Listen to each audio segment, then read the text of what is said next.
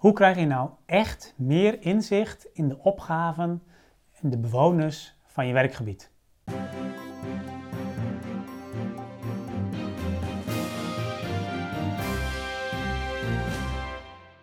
Ja, in deze aflevering wil ik het dus met je hebben over hoe je ervoor kunt zorgen dat je meer inzicht krijgt in de kenmerken en de behoeften en de wensen van de mensen die in jouw werkgebied wonen en of daar op zoek zijn naar een woning. En ook in de vastgoed en de kenmerken van allerlei andere zaken die in jouw werkgebied spelen of aanwezig zijn. Want uit het onderzoek wat we sinds 2017 elk jaar doen bij corporaties blijkt keer op keer dat het inhoudelijke stuk van portefeuille en assetsturing, dus dat wil zeggen hoe je, in hoeverre je goede analyses kunt maken, in hoeverre je je werkgebied echt kent, in hoeverre voorspellingen die je doet voor de toekomst, dat die ook echt uitkomen. En in hoeverre je ook al echt keuzes maakt inhoudelijk over wat er moet gebeuren in je werkgebied. Dat stuk dat blijft structureel achter bij bijvoorbeeld het inbedden in de processen in de organisatie en het eh, zorgen voor goede data en het zorgen voor goede software. De inhoud blijft, daar, uh, blijft daarbij achter en dat is natuurlijk jammer. En ik heb dus een aantal manieren voor je om dat beter te doen. Nou, een aantal uh, zullen je bekend voorkomen, want je begint natuurlijk met data verzamelen. Um, en dan heb je het over woningmarktonderzoek, dan heb je het over bevolkingsprognoses. Uh, en maar dan heb je het ook vooral over veel meer data over de bewoners in je werkgebied. En over de mensen die daar zouden willen komen wonen. Want dat is vaak wat er bij eh, portefeuille en asset management nog wel wat bekaaid van afkomt. Er is best wel veel data over het vastgoed. Uh, er is best wel veel data ook over de financiële kant van het vastgoed. Uh, maar er is relatief weinig data over de mensen die daar wonen of die daar zouden willen wonen. Um, dus zorg dat, dat dat eerst op orde is. Maar daarmee heb je natuurlijk nog niet een gevoel um, bij je werkgebied. Daarmee heb je nog niet dat gevoel wat je eigenlijk wilt hebben.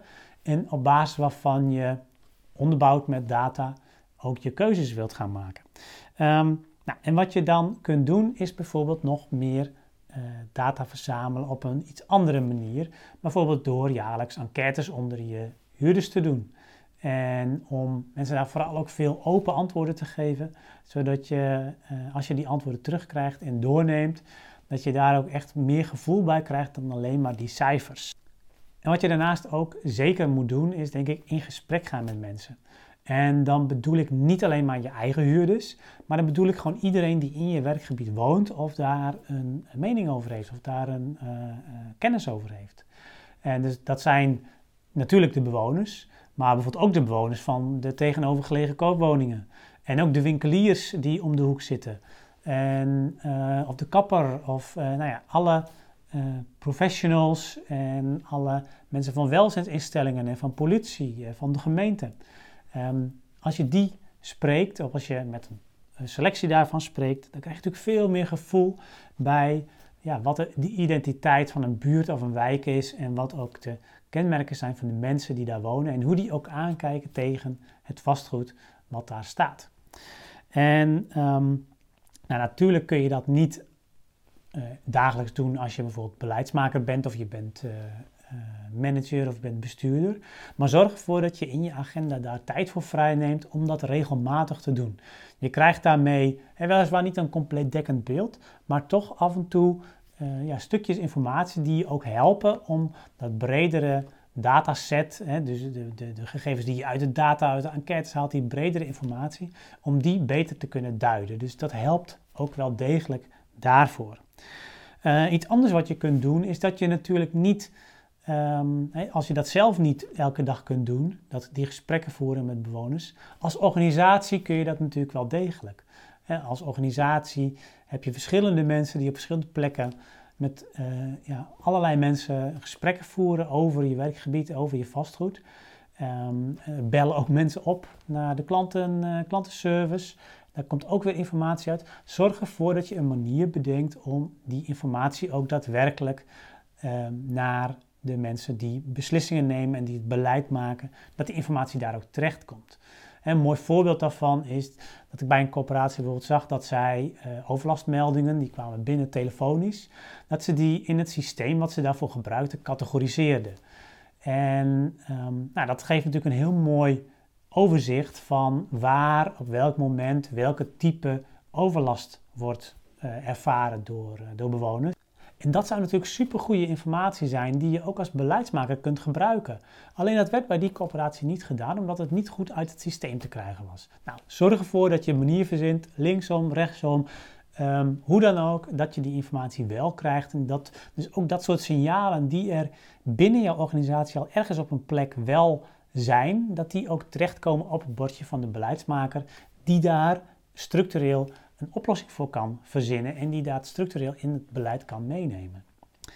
Ehm, en een, een, laatste belangrijke is om ook je analyses van je werkgebied en je keuzes daarin, om die continu te blijven verdiepen. En op het moment dat je in, uh, in, in, het vorige jaar of in het huidige jaar, dat je bijvoorbeeld met een portefeuilleplan aan de slag gaat, dan zul je op alle onderdelen waar je op wilt sturen op portefeuilleniveau, zul je een aantal analyses maken. Alleen omdat dat zo integraal is, zul je nooit op elk van die onderdelen helemaal de diepte in, uh, in kunnen. Dus wat je kunt doen is dat je die analyses in eerste instantie voor je portefeuilleplan doet, maar dat je dan daarna, op het moment dat het portefeuilleplan klaar is, dat je wel gaat zeggen: Oké, nu hebben we even wat meer ruimte om bijvoorbeeld op onderwerp A of onderwerp B verder in te gaan zoomen. En om ook tactische beleid en om ook de processen in de uitvoering daar weer beter mee te maken. En om te zorgen dat je veel meer inzicht krijgt in wat er nou echt leeft in je werkgebied. Nou, dit zijn een aantal dingen die je kunt doen. Uh, zorg ook dat je daar tijd voor maakt, want um, nou, nogmaals, in het onderzoek zien we dus dat coöperaties veel verder zijn als het gaat om uh, goede software hebben voor portefeuille en assetsturing. Uh, de data is er, er zijn processen ingericht, mensen hebben daar tijd voor vrijgemaakt gekregen. alleen het inhoudelijke stuk, dat ontbreekt. Of tenminste, dat blijft achter. Dus zorg ervoor dat je daar ook meer tijd voor vrijmaakt. Dan maar even geen nieuw softwarepakket, maar dan heb je wel de inhoudelijke kennis van je werkgebied. Dat is uiteindelijk de prioriteit, dat is uiteindelijk waar het allemaal om gaat. En uh, ik hoop dus dat je daar ook echt de focus op gaat leggen. Graag tot de volgende aflevering. Bedankt voor het luisteren naar deze podcast. Wil je nieuwe afleveringen ontvangen? Abonneer je dan op deze podcast. En kijk ook eens op onze website corporatiestratege.nl voor meer praktische tips en downloads die jouw werk als corporatiestratege makkelijker maken.